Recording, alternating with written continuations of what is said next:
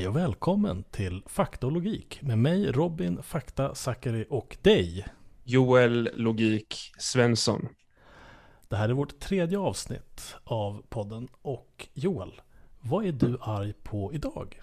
Väldigt mycket, men vi ska hålla det här kort. Så idag är jag specifikt arg på hur polisen beter sig i sociala medier. Och vilken tur, som av en händelse så har vi bjudit hit grävaren Max Karlsson som har bättre koll på det här faktiskt kanske någon annan har i Sverige. Bättre koll än polisen själva. Eh, om man ska vara helt ärlig. Kan inte du snabbt presentera dig Max? Vem är du? Hej hej! Jo, um, kul att vara med. Jag heter uh, Max Albin Westerlund Karlsson. Um, och jag är researcher. Jag är opinionsskribent.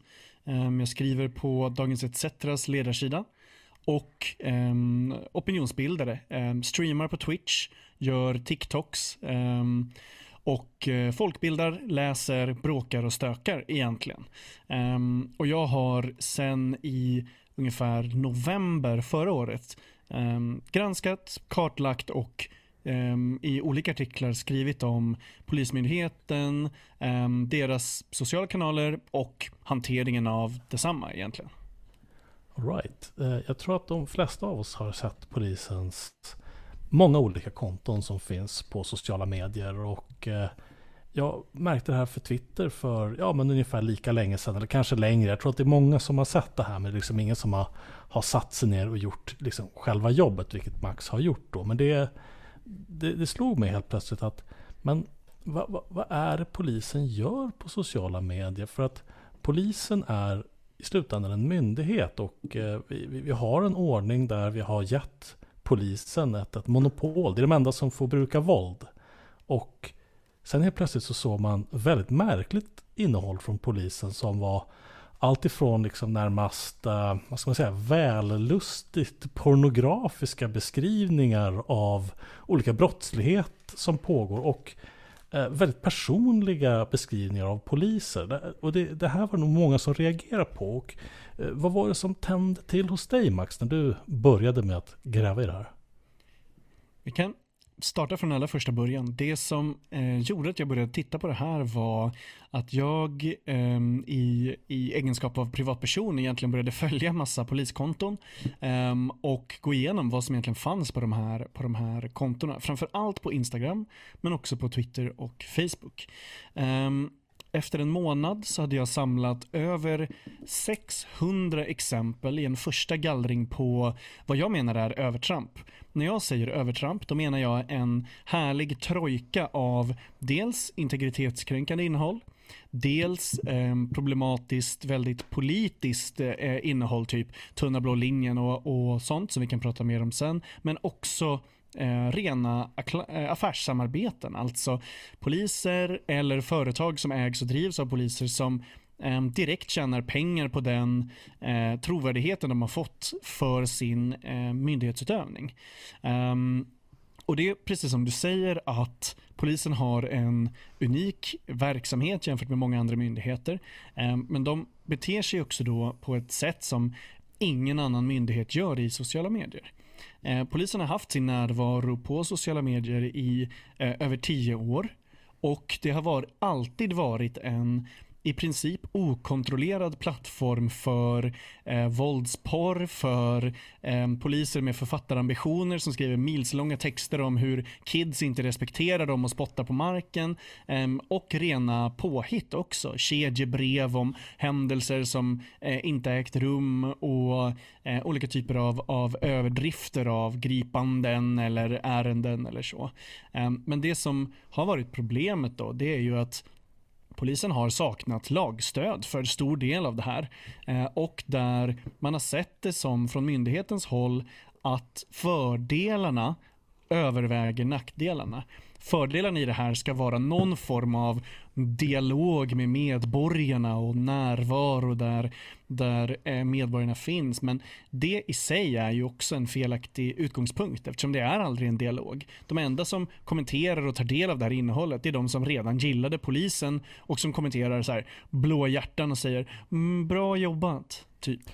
Om vi får rulla tillbaks där så tycker jag det här liksom, det finns, en, det finns en exceptionell Eh, uttalande från Max här och som man kan fundera lite på, vi kan diskutera lite. Och det är ju det att polisen är ju den myndighet som ska upprätthålla lagar och regler. Och då finns det kanske inte liksom någon form av så att säga, utilitaristisk bedömning huruvida det här leder till någonting bra eller dåligt. Utan polisen ska liksom genomföra det, det, liksom, det, det, det lag, det, det, liksom lagen. Och då sitter alltså polisen och gör det här och har inte lagstöd själva för det. Det visar ganska tydligt tycker jag om hur liksom illa det här faktiskt har gått. Och Max, kan inte du berätta om några exempel när det har gått riktigt, riktigt illa? Absolut. Eh, vi ska också komma ihåg att Eh, även om det inte har funnits så mycket journalistiska granskningar om det här så finns det ju kraftig geokritik. Alltså vid flera olika beslut från justitieombudsmannen så finns det kraftig kritik mot det här. Ett exempel är 2016 när Huddingepolisen fotograferar en man som är avsvimmad och utsatt ehm, och väljer att lägga ut, ta bilden och lägga ut den innan de hjälper honom. När den här bilden sen ligger uppe på Huddingepolisens sociala medier så känner mannen igen sig själv och anhöriga känner igen också.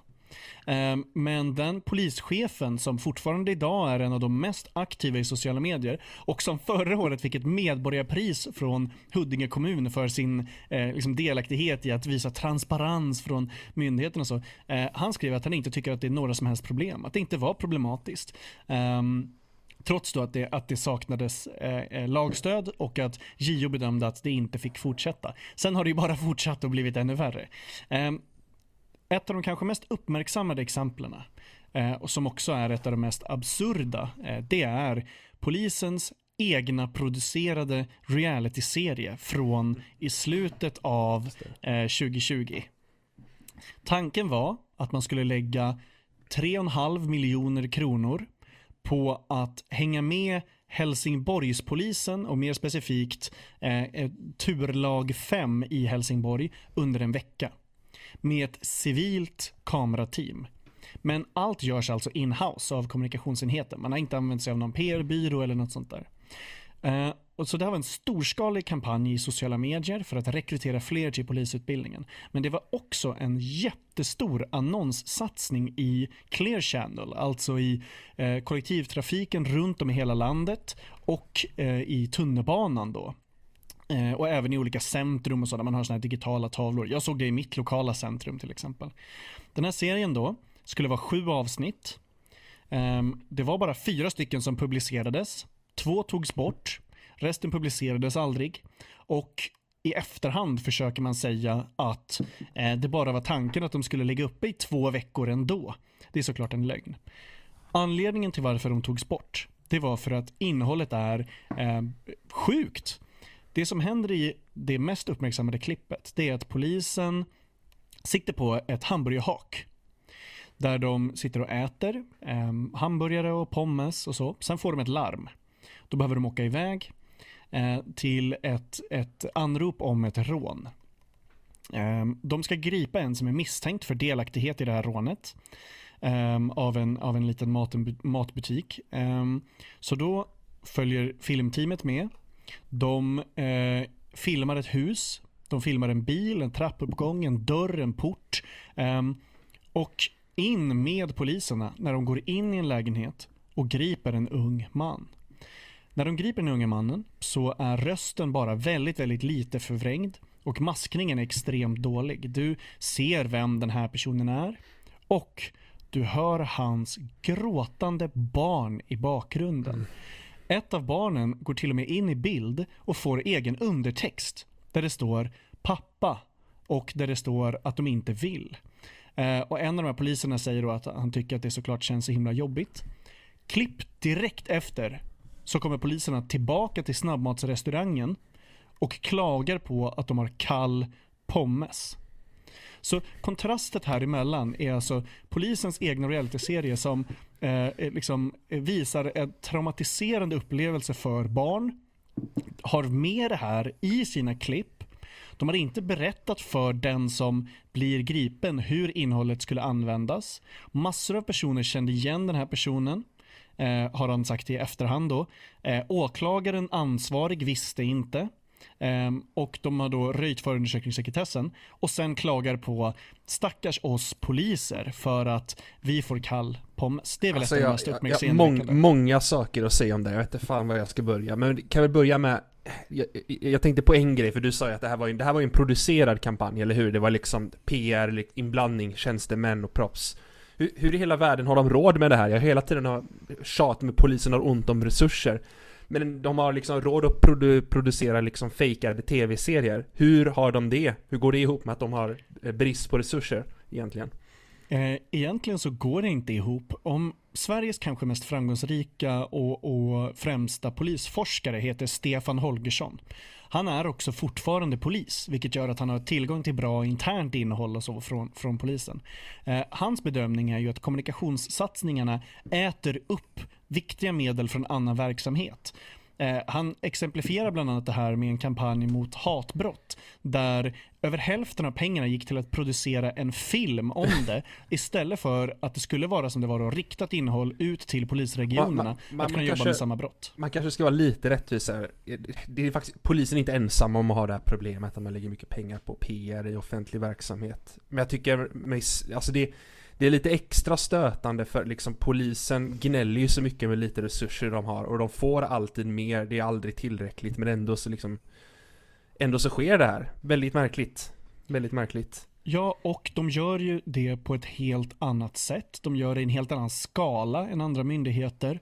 Um, där det, med andra myndigheter är det ju i så fall vanligare att du um, bränner pengar på en kampanj med en byrå eller liknande. Men mm. polisen gör, det de gör är att de dels förstärker den egna kommunikationsenheten som redan är 200 kommunikatörer plus poliser som gör kommunikationsarbete. 200 kommunikatörer, är det, är det, är det vadå, som i Rikspolisstyrelsen eller runt om i landet eller? Eh, alltså i myndigheten finns det 200 kommunikatörer ah, okay. mm. plus poliser som då förväntas göra kommunikationsarbete i sin arbetstid, alltså som en del av sitt arbete, plus mm. då chefer.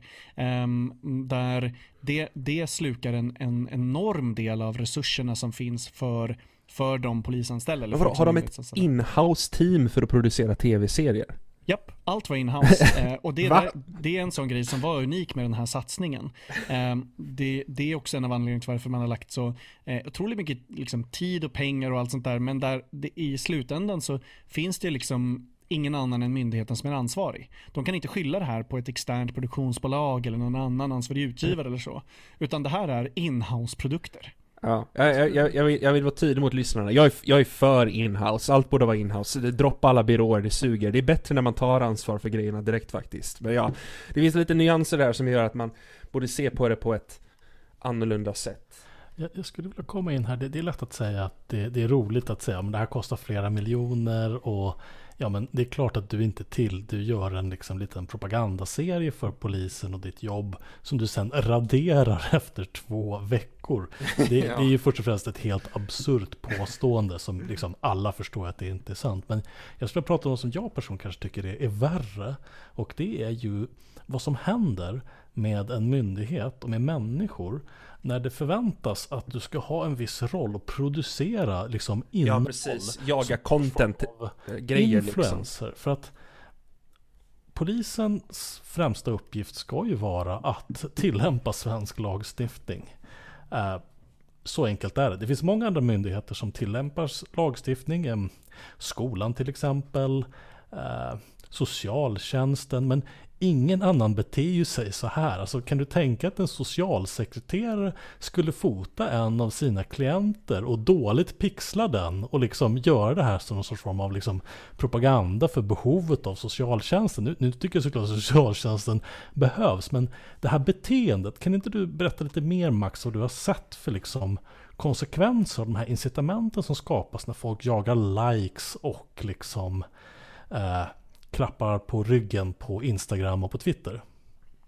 Absolut. Och eh, det jag ska säga här också är att det här är en del av den utvecklingen som journalister har sett väldigt länge om Polismyndigheten, där man blandar ihop kommunikation och pressuppdraget också. Men man tror också från myndighetens håll att det ligger i deras uppgift att få allmänheten att tycka om dem genom PR snarare än vad de gör i sin verksamhet. Ehm, och jag har ju då från flera håll sett eh, eh, massor av personer internt men även i andra myndigheter som reagerar kraftigt på det här. Ehm, där eh, man förväntas att eh, eh skapa content, vara aktiv, eh, pressa på och ta catchiga bilder, ehm, filma, uttrycka sig liksom på ett, ett väldigt specifikt sätt. Alltså, när man gör den här typen av innehåll, typ innehåll som ska vara nära, som ska vara, handla om eh, svåra situationer, trauma eller ännu värre då försöka typ på någon form av ironi eller raljans eller något sånt där. Då vet alla att det är jättesvårt. Det krävs otroliga proffs för att ta sig an det med en ton som funkar och med ett innehåll som funkar. Polisen är, och poliser är inte de personerna. Eh, poliser i yttre tjänst eh, är inte de som är bäst lämpade att ta sig an de uppgifterna. Men där man egentligen har gjort den formen av kommunikationsorganisation där det är enskilda poliser ute i tjänst som på något sätt delegeras kommunikationsansvaret från hela myndighetens håll att visa sin berättelse eller visa sin verklighet. Men deras verklighet kan ju aldrig vara något annat än en dramatiserad och väldigt förenklad bild av en betydligt svårare situation. Um, och där det är väldigt många poliser som känner att det här är extremt jobbigt. Um, sen så att det här redan gick emot de befintliga riktlinjerna och sånt, det har man ju bara skitit i. Alltså, Polisen sa redan 2013 att det inte är tillåtet att publicera något som kan tänkas vara emot någons vilja. Eh, eller då att man inte ska fotografera människor i utsatta situationer eller ta andra typer av bilder som kränker personlig integritet. Man har också tidigt sagt att, att bara uppgiften om att någon utsätts för ett polisingripande är att se som en integritetskänslig uppgift. Eh, och det här vet man ju. Men har då valt att strunta i. Låt oss men just det, förlåt. Låt oss gå in, lite in lite på det här med integritetskänsliga saker. Eh, det finns ju, vad jag har sett, att polisen har svarat och annat om det här. Så har de sagt att ja men vi har ju fått en muntlig bekräftelse från en person att det här ska publiceras. Och hur ska det kunna prövas? Vad är det för liksom, ingen annan gång i samhället så duger det som någon sorts form av kontrakt Uh, utan nej men då är, det räcker ju med att jo men någon tjomme som, som sa det. Jag ska också säga här att här är justitieombudsmannen väldigt, väldigt tydlig. Eh, och rättspraxis är, är väldigt tydligt här också. Polisen kan inte någon gång motivera behandling av personuppgifter bara med att någon har samtyckt till den behandlingen. Polisen måste alltid och myndigheter måste alltid koppla det till sitt författningsreglerade uppdrag. För att det som finns när det är en myndighet är att när du kommunicerar med myndighet så finns det en maktobalans. Där du är alltid underställd det trycket som kommer från myndigheten. Det här betyder att även om du säger uttryckligen och muntligt till myndigheten ja, du får publicera min bild så eh, eh blir det fortfarande så att det samtycket kan inte ses som frivilligt i och med den inneboende maktdynamiken i det där. Så att det finns inte någon gång där polisen kan hävda den typen av samtycke heller. Även jag menar, om det skulle vara så att de, de försöker med det, då ska man dessutom kunna administrera det och när som helst ta tillbaka det. Det gör de ju inte. Eh, det skiter de ju bara i, i eh, helt såklart. Um, ja, alltså, och, alltså samtycke eller ej, vi kan inte ha poliser som går och funderar hela tiden på hur de ska kunna göra bra content. Alltså samtidigt, det, det, är liksom, det borde vara huvudfrågan. De ska inte göra content, de ska göra sitt jobb. De ska inte fundera på hur många likes deras nästa sociala medieinlägg gör. För då gör de inte sitt jobb bra. Om, om man tänk, alltså det, Tänk om, tänk om resten av myndighetspersonalen i Sverige skulle liksom fungera på det sättet. Typ Försäkringskassans handledare skulle lägga ut inlägg på typ alla, alla, alla sjuka som de äger eh, med genom att ge dem avslag. Uh, en kul detalj där det är att jag pratade faktiskt med flera av de andra myndigheterna för att se vad, vad de tycker. Um, och Det var mest som en del av mitt researchmaterial och så. Där har jag ingen, ingen publicerad artikel. Men jag pratade till exempel med en som um, jobbar högt upp med kommunikationen på Kronofogden. Eh, och på Kronofogden så hade man för några år sedan en idé om att ett tv-team skulle följa Kronofogden i Södertälje för att det är särskilt utsatt. Så att man skulle prata med eh, Mm. Kronofogden i Södertälje och ut i Ronna eh, och i den, de förortsområdena i Södertälje och, och eh, följa med folk. Ehm, och det fanns en sån idé, den skrotades efter en och en halv vecka för att man sa att vi kommer aldrig kunna göra det här eh, eh, med ett fullgott skydd för integriteten och det vore extremt olämpligt. Det, det är väldigt likt polisen egentligen, för det, det, det finns också en aspekt av det att, alltså på, jag, jag själv, jag har haft väldigt lite kontakt med polisen och jag tror väldigt många i min situation har liksom inte blivit utsatt för brott, har inte begått brott, har liksom väldigt lång distans med polisen. Det mesta jag ser av polisen är faktiskt genom sociala medier och det jag ser är, är inte bra, men de, det är en viss grupp av människor som alltid får kontakt med polisen och det sitter ihop lite med, med allt det här. Och att det, det, det, det när du gör sociala medier av det dessutom, då blir det ju någonting helt, då blir det ju någonting helt annat. Då blir det ju liksom som att vi liksom förhärligar, att vi typ trycker ner människor, vissa av dem kanske förtjänar och vissa av dem kanske liksom är drabbade av omständigheter. Och det, det tycker jag känns extremt obehagligt. Och vissa tycker ju att liksom buset förtjänar det så att säga. Ja. Ehm, Vissa tycker det- att alla förtjänar det. De har ju en bild av, alltså om man, om man ska vara liksom rent krass, många har vi en bild av att liksom polis, de gillar polisen för att polisen är typ de som går och spöar invandrare. Det är ju långt ifrån sanningen, men det är den bilden de har och det är därför som de liksom gillar den här typen av, av grejer. Ja men precis. Och, och här är det ju liksom att myndigheten och myndighetsanställda tjänstemän eh, ägnar sig åt storskaligt likefiske, eh, sitt politiska narrativbyggande som eh, liksom hänger ihop med den konservativa bilden av brinnande förorter och så. Eh, och då liksom en eh, eh monetarisering eh, av det där Alltså där man tjänar pengar på det sen och så. Men folk målas upp som busar, ynglingar, misstänkta brottslingar, narkomaner, dåliga föräldrar eh, och man visar upp stökiga och blodiga hem. Och vi har ju sagt det, liksom, men, men man ska vara väldigt tydlig med att det här är ingenting som någon annan myndighet gör, men polisen har gjort det systematiskt i flera år. Och det där vill jag hoppa in på lite Max för att det, det har ju varit någonting som väldigt många har ju sett de här delningarna. Man har liksom inte sett någon journalistik egentligen i det här området. Jag tänker inte spekulera i varför. Tidsandan är väl ganska tydlig att liksom polisen, det är våra troops, för de är de enda som vågar ge sig in i de här eh, de här eh, områdena som är eh, utanförskapsområden eller vilken nomenklaturan, vad man nu säger, vad man kallar dem från, från det politiska hållet. Men kan du berätta lite mer om vilka reaktioner du har fått både utifrån polisen men kanske också de reaktioner du kan ha fått inifrån polisstyrkan? För det är kanske inte alla som gillar det här. Absolut. Um, många av reaktionerna på, på granskningen har ju varit att um, man har fått en annan översikt över liksom omfattningen. Alltså Anledningen till varför jag har samlat flera hundra exempel och inte utgår ifrån enstaka exempel är ju för att visa att det här är systematiskt och har skett under flera år. Ehm, det, det är inte enskilda rötägg som gör det här utan att det är ett, ett genomruttet system i det där polisen själva konstaterar då i interna granskningar att eh, man gör grejer som skulle kunna göra myndigheten skadeståndsskyldig.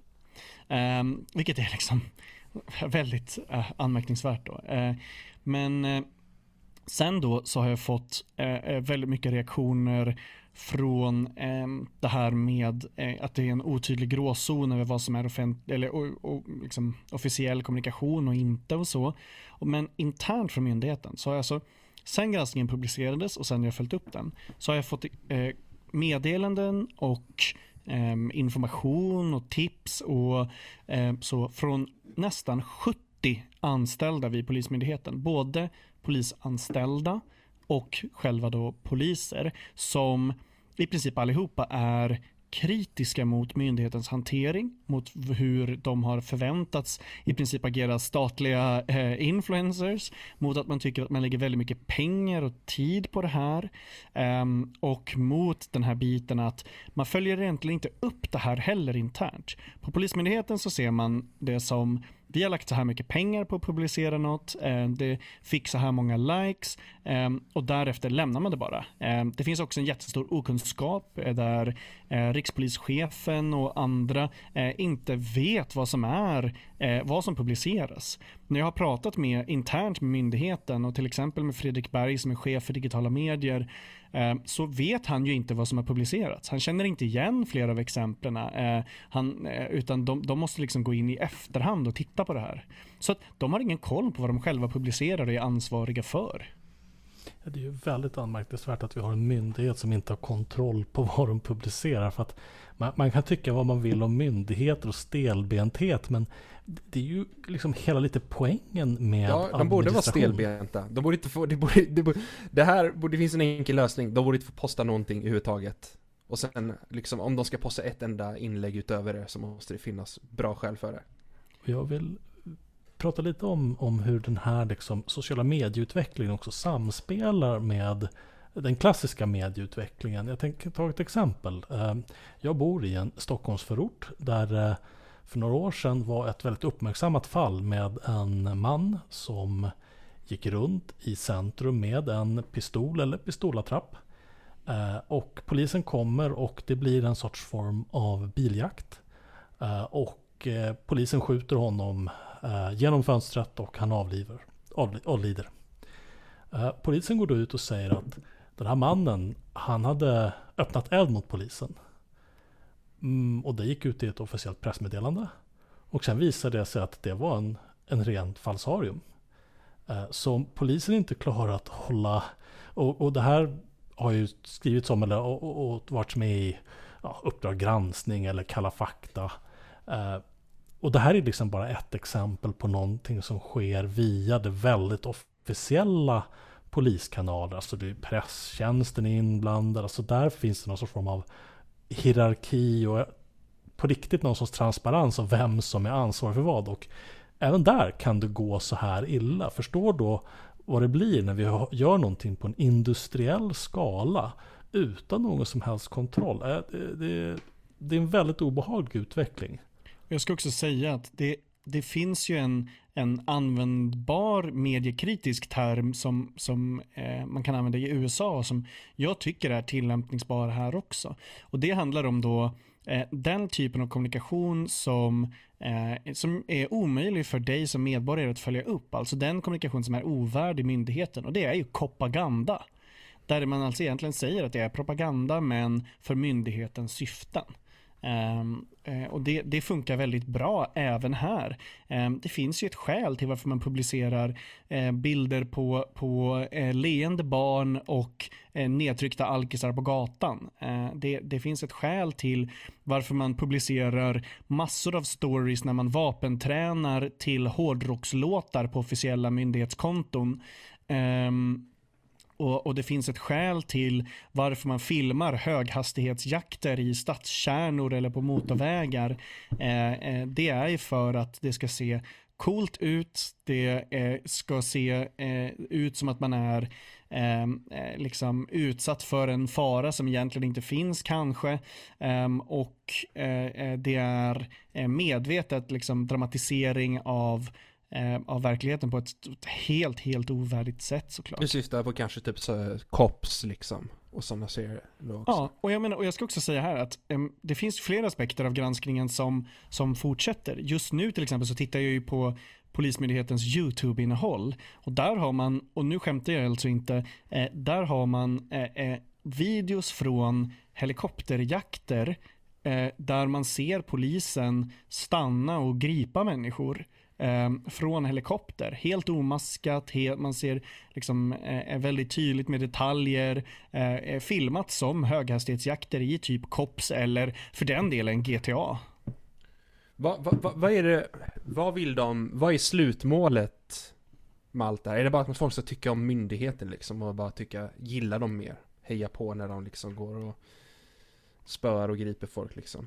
Det är tudelat skulle jag säga. Ehm, dels handlar det om att få folk att tycka bättre om myndigheten. Man tror att folk gör det när man får 500 kommentarer med blåa hjärtan och eh, liksom, eh, eh, typ handhjärtan från pensionärer som redan gillade polisen. Men sen så finns det också en del inom Polismyndigheten som tror att det här eh, gör att polisutbildningen rekryterar fler. Men det är ju liksom också en, en, en fel utgångspunkt för att det är ju inte så att någon blir eh, att rätt personer som borde vara poliser blir lockade Mm. av influencerreklam och, och eh, liksom flashiga bilder utan det blir de ju i så fall av villkor. Eh, ett exempel, när, när en polis blir färdig aspirant, alltså när man har gått ut utbildningen och i ett halvår ska vara aspirant, då tjänar man 15 000 kronor i månaden innan skatt. Och det ska man leva på under hela aspiranttiden. Jag tror att det är fler som lämnar yrket både redan då men även sen när de är poliser och tjänar fortfarande rätt låga löner under en lång tid. Än, eh, eh, alltså, jag tror att om det var så att man ville ha poliser då hade man stoppat den blödningen istället eh, istället för att typ vädja till några här. Sen handlar det också om det som, som ja, men, lite kallas eh, eh, tunna blå linjen eller, eller så. Det, kulturbygget om polisen och polisens roll i samhället som liksom någon form av beskyddare mot det absurda och mörka. Eh, och det kan jag ju gå in på mer också. Ja, för oss då som jag och Joel är ju filmnördar. Vi gillar att titta på gamla filmer därför att eh, de eh, avslöjar oftast väldigt tydligt liksom, ideologin eh, från en viss period. Och då finns det ett flertal filmer från 70-80-talet där, där det, liksom, det är polisfilmer och det är den här eh, den oförrättade personen som ska liksom göra upp med buset. Men i det fallet så är buset alltid ett multietniskt eh, gäng. Ja, du tänker på som- Death Wish. Nu i Det finns många Death Wish-filmer, det finns många andra. men Death det är Wish oftast... äger, för den är propaganda, men jag gillar filmer som är propaganda och den filmen gör det väldigt skickligt, extremt skickligt.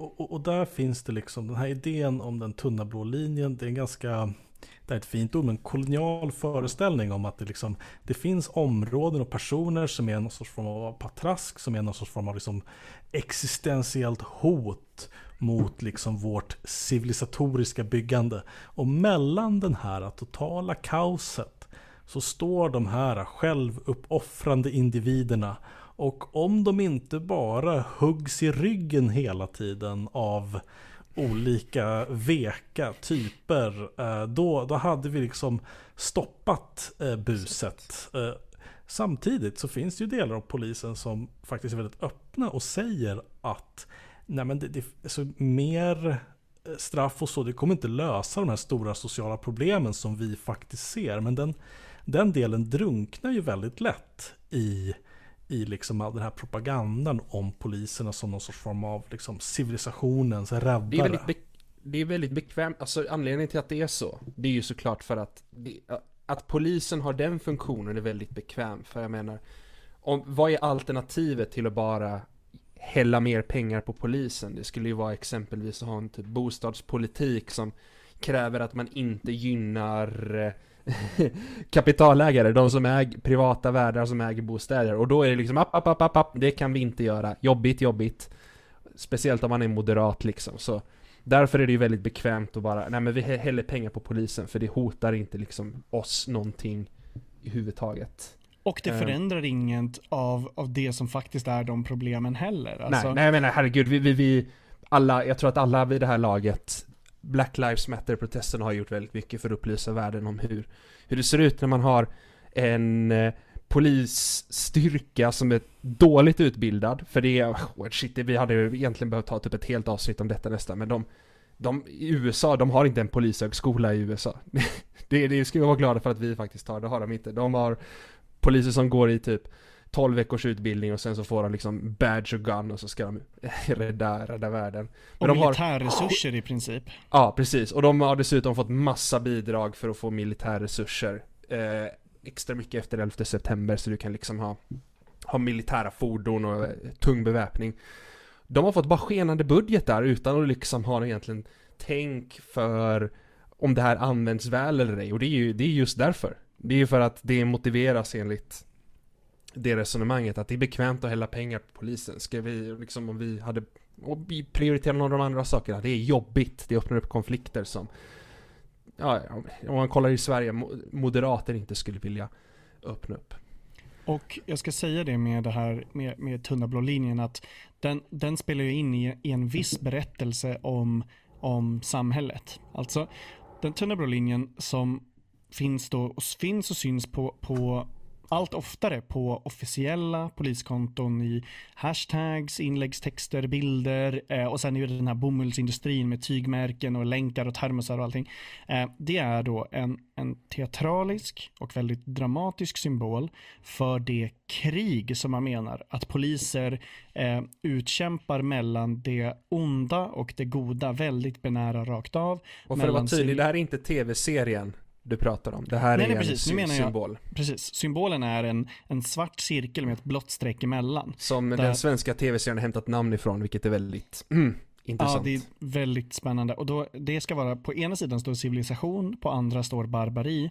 Eh, egentligen anarki och ordning liksom. Och, och där den här blåa linjen eh, Uttrycket kommer från dikten Tommy av Rudyard Kipling. Då handlar den om brittiska soldater i Krimkriget och då är det en tunn röd linje och sen så har det anpassats för det här idag. Eh, polisen ska vara då det enda som skyddar samhället mot allt som polisen själva då bedömer är på fel sida. Eh, I USA är det ju liksom eh, Black Lives Matter, eh, all form av, någon form av liksom vänsterbild om samhället såklart och, och alla som inte håller med dem där det som är viktigast med den här symbolen, det är just att det är en tunn linje. Man menar att samhället hela tiden är nära kollaps men räddas från total ondska av heroiska poliser som gör det bästa med vad de har fått. Retoriken ska få dig som medborgare att vara väldigt, väldigt rädd för det som finns på andra sidan och ovillkorligt tacksam för det statliga beskyddet. Alltså utan linjen finns ingen ordning, allt är en och samma. Men det här blir liksom melodramatiskt, barnsligt, eh, polariserande fantasi där själva linjen är ju inte en del av samhället utan den är en självständig del utanför samhället eh, som bara då agerar på, på egen grej och med egna liksom, representanter. Um, Precis, och, polisen är liksom en belägrande kraft. Ja men precis, och där de då eh, likställer liksom hotet med eh, eh den, ena svarta rutan på den här eh, med det då som, som ska skyddas. Eh, där de liksom är ensamma i det här på något sätt som aldrig har stämt förutom i, i mindsetet av eh, eh den här eh, eh, alltid expanderande våldsapparaten. Synen på polisen som någon form av neutral fredsmäklare som vi har här i Sverige, den är ju väldigt ny. Alltså fram till 59 bar svensk polis sabel eh, och, och eh, man ska komma ihåg att polisen i stora delar av Europa och framförallt liksom i, i stora delar av globala Norden egentligen primärt var ett sätt att skydda eh, egendom eh, och eh, att till exempel eh, slå ner på uppror och, och sånt som Pinkertons mot fackliga eh, som idag ägs av Securitas, eh, side note. side note. men men, men eh, den synen är ju relativt ny och det här är ju en tillbakagång till, eh, till att de är en, en liksom part i krig. Alltid i krig. Jag vill hoppa in där lite och eh, det, det, finns ju den här symbolen som man har sett, en amerikansk flagga liksom är just den här ah, tunna blå linjen. Det finns även svenska merch du kan köpa från olika polisinfluencers, vilket liksom i sig är en helt bisarr sak att du som statlig tjänsteman kan utarbeta estetik som du sen får stöd och delningar av en myndighet och sen sälja. Alltså förstår ni hur korrupt det här verkar? Hade man accepterat om det här hade varit stängselnämnden? Hade man accepterat det här om var överförmyndarverket? Hade man liksom de som granskar HBV-hem? Vid inget annat fall då hade man accepterat den här typen av beteende. Och när sånt här beteende accepteras, då muterar det också. I USA till exempel så har ju polisen då, förutom den här tunnelblåa linjen, som har liksom olika loggor som den här The Punisher. Och det är ju en, eh, en Marvel-serie eller en DC Comics. Alla serienördar, don't come at me, jag bryr mig inte. Eh, det är för barn. Men eh, den här serien är ju av The Punisher och det är en person som straffar liksom bus på olika sätt. Och han har liksom en dödskalle-logga. Det intressanta är att i originalserierna, då är inte han särskilt positiv till polisen, utan det är liksom det, han, han, han eh, dödar nog en och annan polis. Eh, men polisen liksom tycker att det här är så badass, så, så coolt i grund och botten att en person som ensam följer sin egen moral och liksom inte låter sig begränsas. De till och med är beredda att liksom bära logotypen för någon som dödar snutar liksom med vällust i serier. Så att det här är ju väldigt viktigt att det här måste liksom stävjas här och nu. För att om det inte gör det så muterar det, som väldigt ofta sån här typ av memetik. Så Max, kan du berätta lite om vad din granskning har resulterat i för, för diskussioner även inom polisen Ja, eh, en av de, ett av de bästa samtalen jag haft var med en eh, väldigt kritisk och frustrerad polis eh, som sa, eh, sa det i klartext eh, och det som, som vi vet och det är ju att Ingenting förändras internt i Polismyndigheten förrän det blir ett samtal utanför Polismyndigheten. Här blir den mediala granskningen och det sociala trycket eh, viktigast. Då. Um, i början, i december och januari när mina första artiklar kom, då pratade man inte så mycket om det. Eh, man sa egentligen att det handlar om enskilda inlägg och att eh, Polismyndigheten bad mig att skicka in de inläggen och exemplen som jag hade så att de kunde radera dem. Eh, man sa som försvar hela tiden att eh, vi har ju en handbok, vi har riktlinjer, eh, alla får utbildning och så vidare. Eh, det här som vi idag vet inte stämmer. Ehm, men, men det har också... Bara en snabb lätt... fråga ja. bara. Varför ska den utredande myndigheten ålägga dig att utreda? Det är ju liksom, det, det, det, det staplar absurditeter på absurditeter. De kan, väl, de kan, väl, de kan väl låta en av de personerna som jobbar för deras, deras jävla in-house PR-team bara liksom hålla koll på vilka inlägg folk gör istället. Så de låter dig göra det jobbet. Verkligen, och, och eh, jag menar i så fall hade jag ju dessutom fakturerat såklart. Men, men, eh, nej, men, men det handlar ju om att de inte har koll helt enkelt. Eh, och, och, att de vill städa bort det snabbt så att man kan säga nu har vi i alla fall tagit bort de inläggen. Det var ju det de ville liksom komma åt. Ehm, men, eh, men sen då så har det lett till eh, betydligt mer omfattande medial kritik. Ehm, eh, från bland annat medierna, eh, från eh, Veckans brott på SVT som gjorde ett helt avsnitt om, om polisens kommunikation i sociala medier. Eh, från Morgonpasset, från P3 Krim. Um, och även då från, från mitt fortsatta tryck från Dagens ETC såklart. Um, i, I olika nyhetsartiklar och, och så. Um, det ledde till också då att polisens dataskyddsombud Mattias Råbe gjorde en intern granskning den har vi gått igenom lite då, där man konstaterar att de inte har lagstöd och så vidare och, och, några andra intressanta grejer. Typ som att närvaron i sociala medier inte på något sätt är självklar utan är självvald från myndighetens sida. Man har valt att finnas där och man måste egentligen inte göra det. Um, och sen då så har det lett till att polisen um, säger att de ska sluta lägga ut bilder på misstänkta och gripna. Um, att de ska uppdatera dels handboken som finns för sociala medier, dels riktlinjerna som finns för poliser som har privata konton eller stödet som de kallar det, det är inte riktlinjer. Dels eh, en ny bild och filmpolicy eh, en ny utbildning för alla de som håller på med sociala medierna. Eh, och eh, eh, en ny eh, liksom huvudpolicy för allt det här som ska då komma i, i höst. Man lovar också, man har lovat mig att man ska gå igenom allt det tidigare innehåll som finns publicerat eh, och ta bort och gallra inlägg. Men man säger att man inte ännu har bestämt sig för hur man ska ta sig an den eh, eh mastodontuppgiften som Polismyndigheten sa. Ehm, så att eh, eh det finns eh, saker som, som de säger att de ska göra. Men problemet är ju med polisen att eh, det, det, finns inga andra som ordentligt granskar polisen. Eh, det är myndigheter som ofta utreder sig själva, som följer upp sig själva ehm, och där det kommer vara helt centralt att ligga på med det sociala trycket och med den mediala granskningen för att det överhuvudtaget ska hända någonting. För att så här, alltså det var ju inte så att eh, eh, problemet var att det inte fanns riktlinjer. Problemet var att de systematiskt satts, sattes åt sidan för att man körde hela tiden på alla uppmärksamhet är bra uppmärksamhet och vi kan inte göra fel. Um, så att eh, det är väl lite av det som har hänt eh, efteråt, förutom att det också har äntligen börjat komma, inte bara är jag som kommenterar polisens bilder på, på utsatta människor, utan att det, det, det är ju väldigt, väldigt många som har, som har sett det här. Eh, och polisen känner sig uppenbarligen lite pressade.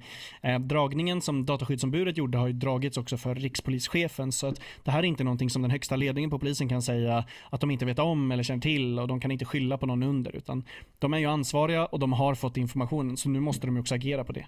Det här är ju ett klassiskt eh, PR-sätt att hantera problem. Alltså att de, de verkar uppenbarligen tycka att problemet är att de har åkt fast, inte att de gjorde det. Uh, och vad man då gör är att man säger att jo men att det här ser, ser inte bra ut, det här ska vi titta på. Och så, mm, så se ska man... över våra rutiner är en väldigt bra fras att använda i krishantering. Och, och, då undrar man ju som sagt ja men vad var det för rutiner ni hade innan? Uh, och då är det oftast inte att inte rutiner finns, därför att det finns ju också något som heter gott omdöme. Det finns liksom inga regler i världen nedskrivna på papper som kan ersätta gott omdöme. Men gott omdöme i grupp, det kallar vi för kultur.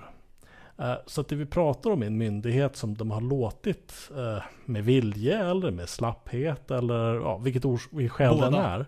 Så har det här liksom fått grassera och ingen har satt, liksom, ta, dragit i handbromsen för man har gjort liksom någon sorts av rim vad man tycker är en, en så kallad cost-benefit analys där man har ställt upp så här. Det här är de eventuella nackdelarna och det här är de eventuella fördelarna. Mm. Och innan någon tycker att det här är ett problem, ja men då skiter vi lite i det här. Ja, innan liksom, ja ah, okej, okay, vi kanske inte typ gör vårt jobb som myndighet, men vi får, folk gillar vårt content. Och vi får mer positiv än negativ uppmärksamhet. Och sen men, så blev det annorlunda. Det är också så spännande då att man idag har ändrat sig och säger från centralt håll på kommunikationsenheten att de tidigare riktlinjerna var för otydliga, för dåliga, man ska göra om det. Eh, men när man försvarade samma riktlinjer eh, trots att det är samma information som, som jag kommer med sedan tidigare. Inget fel har begåtts, men vi kommer att ändra oss. Det, det låter, det, det, gör ju inte att förtroendet att det här kommer ske av sig själv. Som du säger Max, det, det, kommer kräva att folk ligger på. Och det är faktiskt inte så att det inte finns, det finns en brist på folk som faktiskt håller på med, ska säga, polisiära saker. Som du säger, det finns ett rad olika tv-program och radioprogram. Och jag tror att det lätt blir så här att om man lever i en kultur där det här är liksom den allmänna uppfattningen, eller det är inte den allmänna uppfattningen, men man kan hänvisa till att det här är en sorts av allmän uppfattning att det är så här polisen ska vara. Någon sorts av superhjälte i vardagen. Eh, då blir man ganska hemma liksom man blir inte uppmärksam på det, det man ser. För att man, men det har ju alltid varit så här. Det är liksom det här klassiska Carl Bildt-försvaret. Jaha, du tycker jag är dum som gjorde X. Ja, men jag har faktiskt alltid gjort X. Uh, men du verkar i alla fall den här gången så verkar det ha blivit tillräckligt jobbigt för polisen. För att det var liksom, bara skalan av det var liksom grotesk. Uh, så det, det, som kommer krävas är liksom fortsatt granskning. Ha, har du någonting på gång Max som du kan berätta om utan att såklart uh, ja, avslöja allt för mycket? Ja men självklart. Um, det en av de bästa grejerna med att det här har blivit en så pass stor granskning, det är ju att jag får massor av tips. Eh, så jag säger till alla lyssnare också, tipsa mig. Um, och framförallt om du är anställd på Polismyndigheten eller, eller känner någon väldigt många polislyssnare. Ja, exakt. Men jag, det, vi har 50 det... lyssnare jag tror minst 10% är poliser. Ja, jag hade en del poliser som, som tittade när jag streamade om det här, så, som en, enligt egen uppgift var, faktiskt var poliser. Nej men um, men det som jag kan säga att jag jobbar med det är ju dels då till exempel eh, YouTube-innehållet och det som finns där i, i rörlig bild. Eh, men sen också med uppföljningen av det här. Jag vill ju veta Um, hur ansvarsutkrävandet sker inom Polismyndigheten för det här. Om det är så, hur det går till. Uh, om det är så att man bara säger Ups, det var fel, det var ingens fel, det var allas fel, vi går vidare. Eh, eh, eller liksom hur det faktiskt hanteras.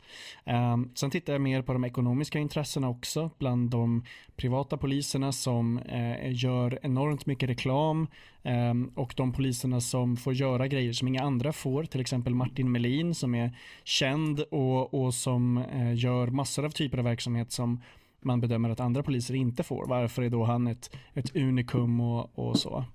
Jag vill hålla kvar här, för det här är något som vi har rört vid några gånger men faktiskt inte riktigt gått in i.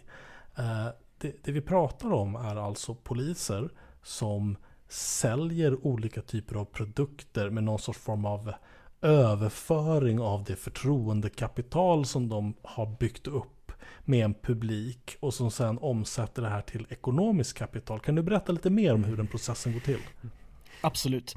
Eh, här är det ju alltså att det är poliser som eh, ibland till och med iförd uniform eh, har eh, konton som är i den medvetna, medvetna och eh, väldigt liksom användbara för Polismyndigheten är gråzonen mellan vad som är privat innehåll och vad som är myndighetsinnehåll.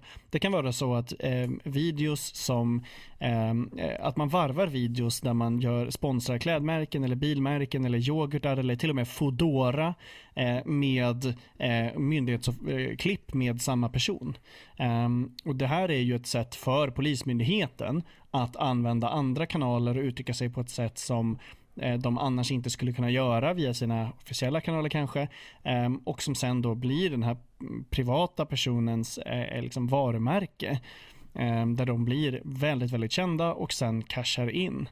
Det är ju också så att det är lätt att tjäna mycket pengar på det och om du då har en skral polislön då kommer det såklart vara ett ekonomiskt incitament. Alltså, jag, jag vet om reklampoliser som har fått 120-130 000 kronor för inlägg i polisuniform. Det här är så jävla, jävla, alltså det här är ju mycket värre än bara att man går och liksom funderar på hur många likes man får när man gör någonting. Det, jag, jag tycker det här är helt sinnessjukt, jag förstår inte hur det kan vara lagligt. Liksom, och, och, och sido att de, man bara liksom samarbetar med Fodora och en av mina favoritpodcasts, Truanon, de har ett bra ljud de spelar när de eh, när man pratar om väldigt ondskefulla grejer som jag tycker vi borde infoga in nästan när man säger Fodora eller inte. Men alltså, det är det och sido, var, jag, jag förstår, jag, jag, kan inte begripa att det kan ha gått till på det sättet. Jag, vill hoppa in här lite och det, det, det här om du jagar likes så är det en typ av incitament. Du skapar ett visst typ av innehåll. Om du sen börjar få liksom ekonomiska erbjudanden, ja men din myndighetsutövning kommer då influeras av, men hur ska jag beskriva den här arbetssituationen på ett sätt som gör mig attraktiv för ett yoghurtföretag? Och för att vara lite konkret, det finns ett exempel som jag har sett, det är Max som har tagit fram det. Eh, det är en polis som säljer olika merch, alltså olika kepsar och, och, och så här dekaler och så här tyglappar och sånt. Och på en tyglapp så står det Svensk polis backar aldrig. Det är väldigt, väldigt märkligt att uttrycka sig på det sättet. Mm. Därför att det är inte vad myndighetsutövning är. Myndighetsutövning ska göras i enlighet med lagens alla konster och regler. Om huruvida någon backar, vilket är ett väldigt så här känsloladdat och abstrakt begrepp.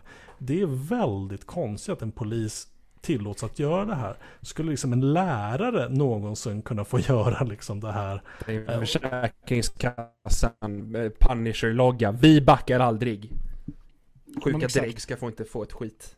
Och det jag ska säga här också, det är ju att alltså, det vanligaste är att poliser i uniform gör takeovers för privata bolag som beskriver sig som communities. Alltså eh, där eh, man vill sätta ett likamedstecken mellan att stötta polisen och att sälja grejer. Alltså att, att du som stöttar polisen ska köpa våra muggar, tygmärken, ryggsäckar, svettarmband, merch, eh, eh, eh, stormkök, energidrycker, gigappar, hotell och klädmärken.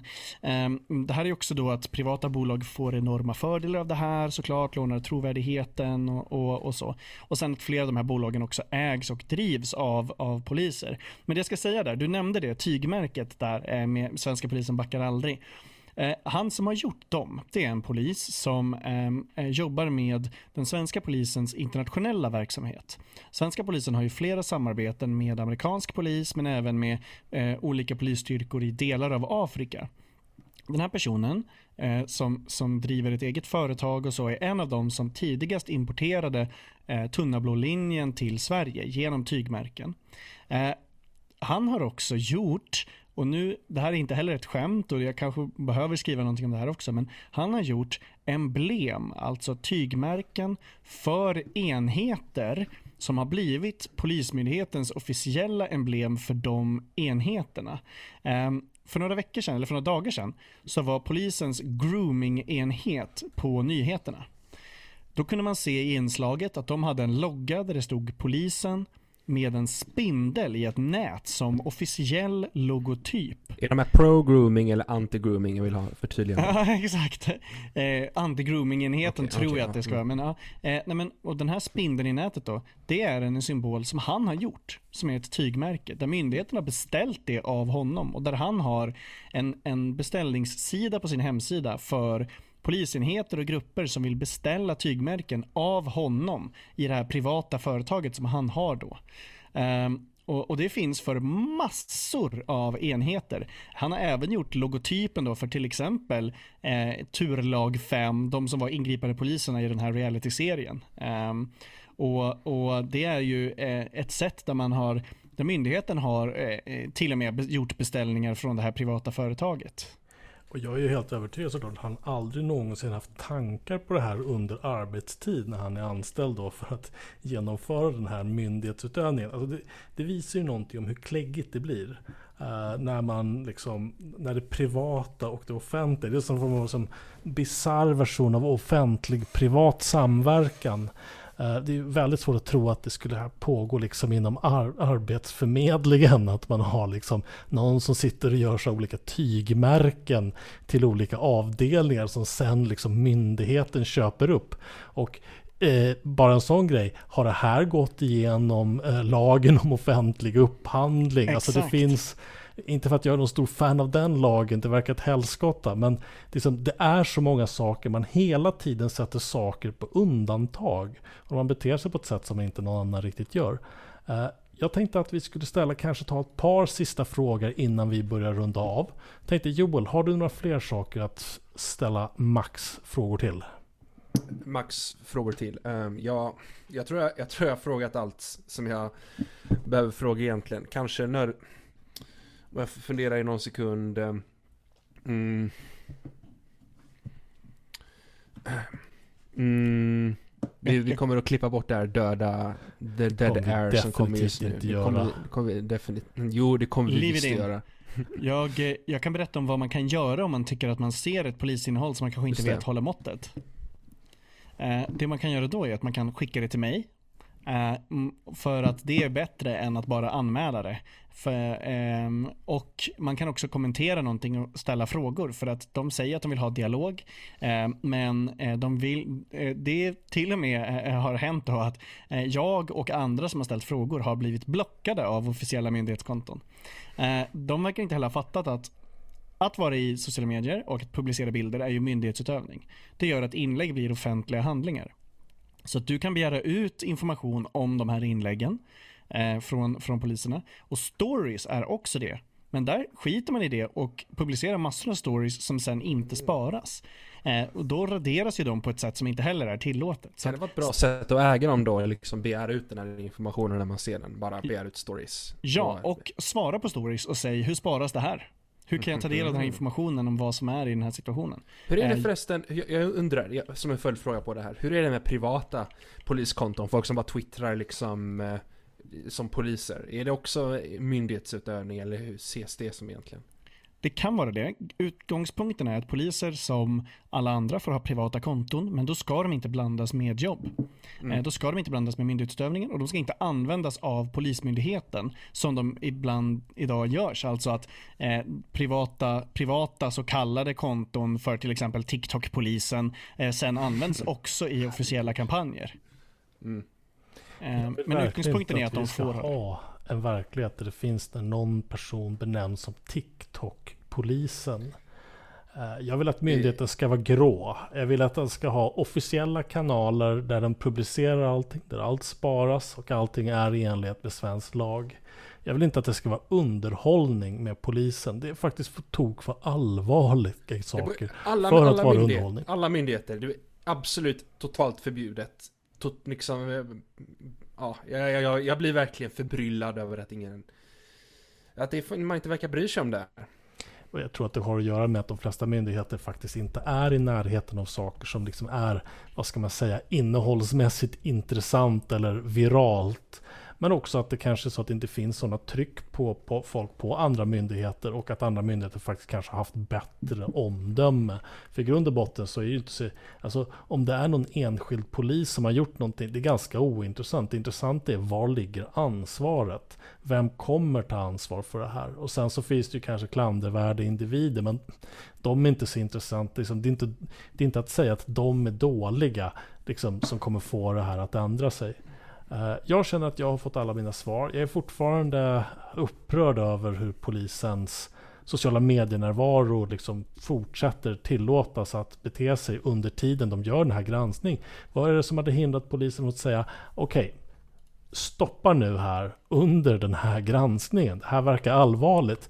Men det verkar inte ha funnits liksom på tapeten utan det viktiga är att liksom business ska fortgå. Eh, och då menar vi också just en business i, liksom den, den, den, korrekta termen. Um, så att det var de sista frågorna jag hade till dig Max. Eh, jag och Joel tackar dig för att du har deltagit i den här podden som heter Fakta och logik. Där vi säger sanningen om saker som du inte tycker om. Jajamensan. Ha det gott. Hej då. Ha det gött. Hej hej.